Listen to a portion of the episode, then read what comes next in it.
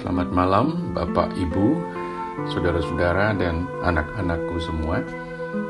Kiranya damai dan sejahtera Tuhan Yesus Kristus senantiasa bersemayam di dalam keluarga Anda dan menjadi penopang serta pemersatu di saat yang sangat menekan akibat ancaman bahaya pandemi pada saat ini. Kami, saya Kadarmanto bersama Ibu Ruth, akan membantu Anda semua untuk bersatu hati dalam doa bersama. Mari kita memasuki saat hening.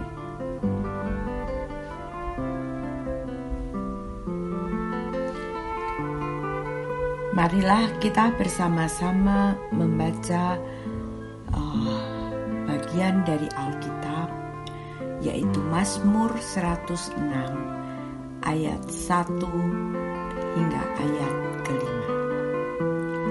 Mazmur 106 ayat 1 hingga ayat yang kelima. Demikian. Haleluya. Bersyukurlah kepada Tuhan, sebab Ia baik. Bahwasanya untuk selama-lamanya kasih setianya. Siapakah yang dapat memberitahukan keperkasaan Tuhan? Memperdengarkan segala pujian kepadanya? Berbahagialah orang-orang yang berpegang pada hukum yang melakukan keadilan di segala waktu.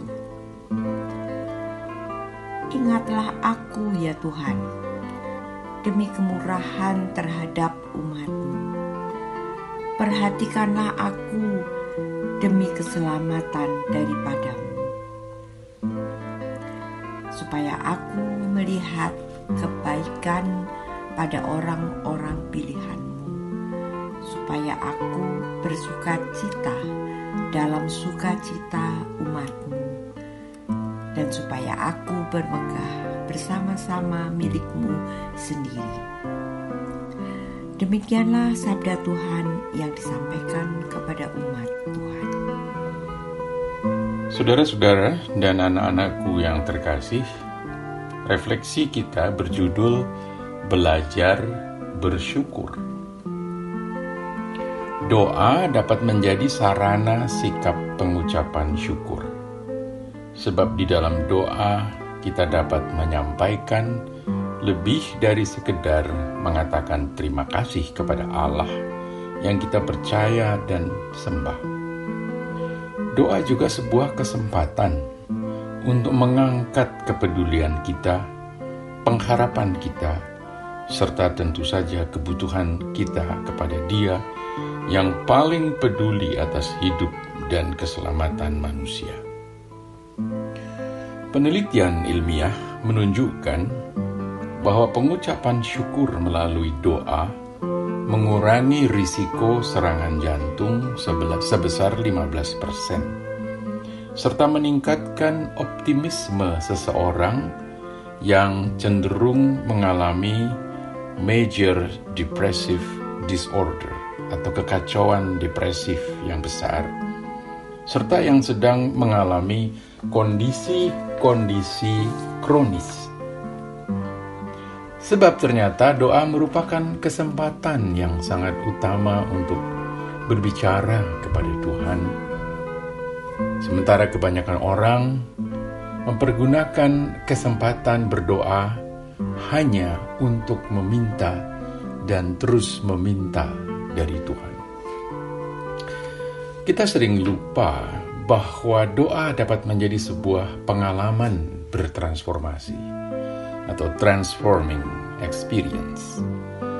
Pada saat kita berdiam diri dalam hening dan berusaha mendengarkan respons dari Allah, kita sedang membuat doa menjadi kesempatan untuk dialog atau percakapan dua arah bukan hanya monolog, percakapan satu arah Tuhan. Bagaimana saya dapat mendengarkan apa yang Tuhan mau katakan dalam hidup saya? saya menemukan bahwa saya dapat mendengarkan Tuhan sebaik-baiknya pada waktu saya dengan sengaja memperlambat atau mengurangi kesibukan saya atau slowing down, menghindar dari kebisingan hidup sesehari untuk sejenak memfokuskan diri kepada apa yang mungkin hendak Tuhan katakan kepada saya. Dalam dialog dengan Tuhan, kita lalu dapat melihat dan menghitung berkatnya. Dan oleh karena itu lalu mampu menaikkan syukur kita kepadanya. Saya beri beberapa contoh. Karena kita masih dapat membantu orang lain, kita bersyukur kepada Tuhan. Baik bantuan itu secara materi maupun non-materi. Utamanya, kita dapat membantu orang lain karena dorongan dari nilai-nilai iman Kristiani dalam diri kita. Seperti nilai cinta kasih, nilai kesesamaan dan solidaritas, nilai berbagi kepada mereka yang membutuhkan, dan sebagainya. Kita juga dapat menaikkan syukur kepada Allah karena hati kita ternyata masih cukup peka untuk tergerak oleh kisah penderitaan orang lain, kecemasannya, ketakutannya, rasa kehilangannya, kesepiannya, baik yang kita dengar langsung maupun melalui sumber yang dapat kita percaya, lalu kita ingin membantu dengan apa yang dapat kita lakukan. Kita dapat juga menaikkan syukur kepada Allah karena kita masih dapat berbela rasa, turut merasakan kesulitan dan derita orang lain akibat isolasi pandemi ini. Kita pun dapat menaikkan syukur kita kepadanya dalam doa, karena kita masih dapat terbuka kepada orang lain yang kita percayai, kemampuan membuka diri pada waktu dalam kesulitan itu juga berkat. Sebab bila Anda terus-menerus atau saya men terus-menerus menutup diri, maka kita akan sakit atau malah menderita kebingungan. Bila mana kita masih dapat terbuka, maka biasanya kita tidak mudah tersinggung. Dan itulah tandanya kita masih sehat. Nah, oleh karena itu, mari kita belajar menaikkan syukur kita dalam doa. Doa bersama akan diawali dengan bersama-sama menaikkan doa Bapa kami dalam keluarga dan setelah doa Bapa kami saya akan melanjutkan dengan pokok-pokok doa syukur kita. Marilah kita berdoa. Bapa kami yang di surga, dikuduskanlah namamu. Datanglah kerajaanmu. Jadilah kehendakmu di bumi seperti di surga. Berikanlah kami pada hari ini makanan kami yang secukupnya, dan ampunilah kami akan kesalahan kami, seperti kami juga mengampuni orang yang bersalah kepada kami. Dan janganlah membawa kami ke dalam pencobaan, tetapi lepaskanlah kami daripada yang jahat. Karena engkaulah yang punya kerajaan dan kuasa dan kemuliaan sampai selama-lamanya.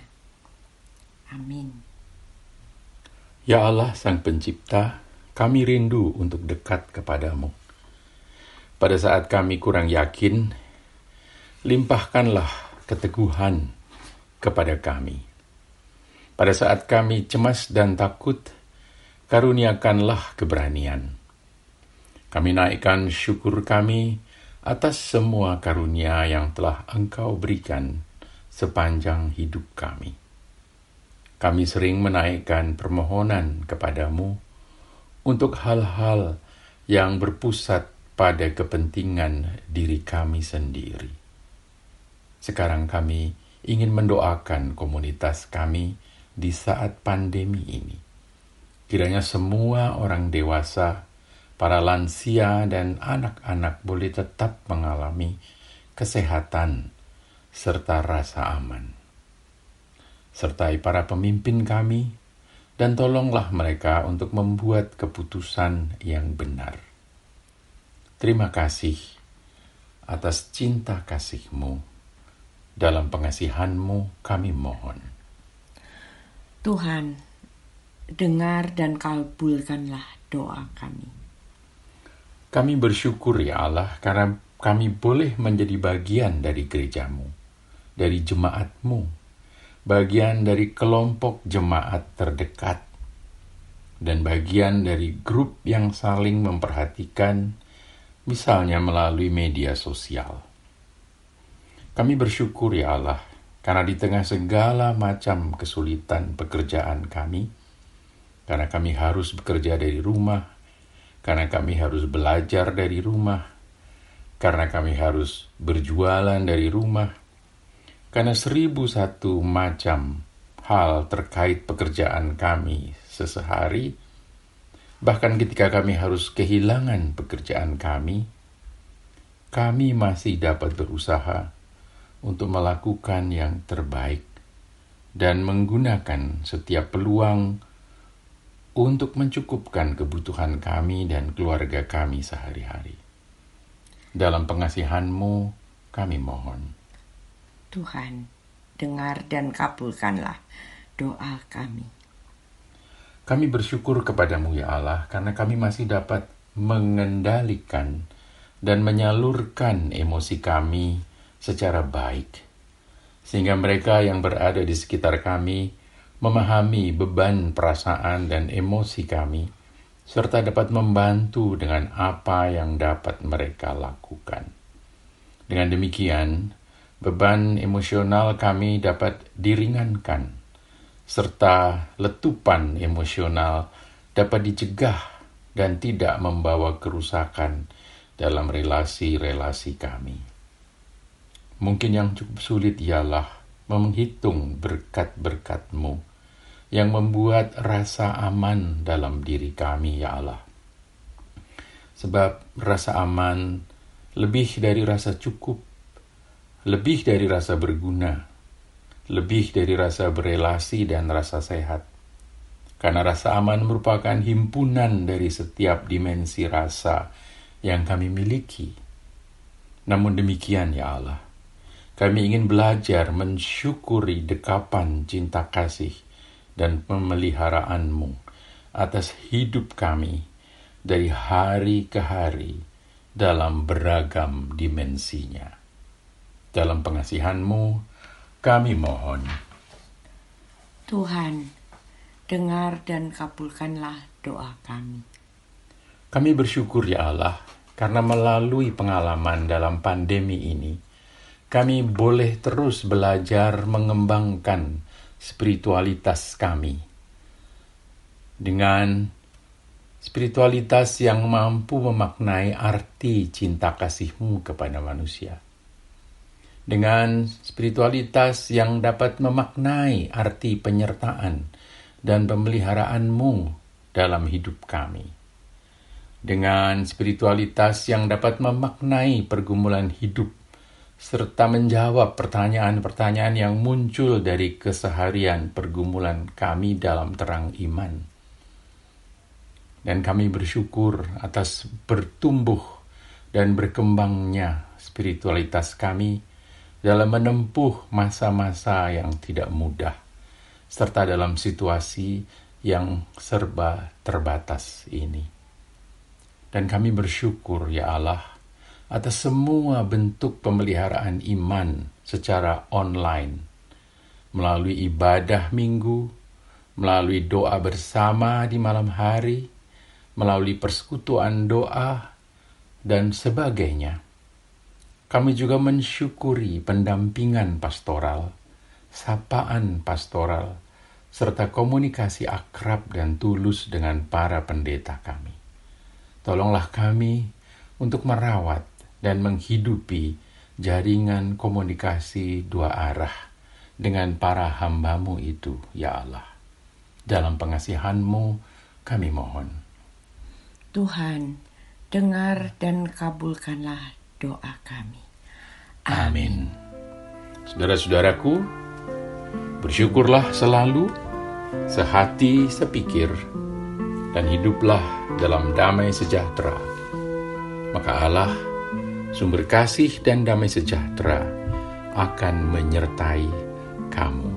Selamat malam, selamat beristirahat. Tuhan sertamu.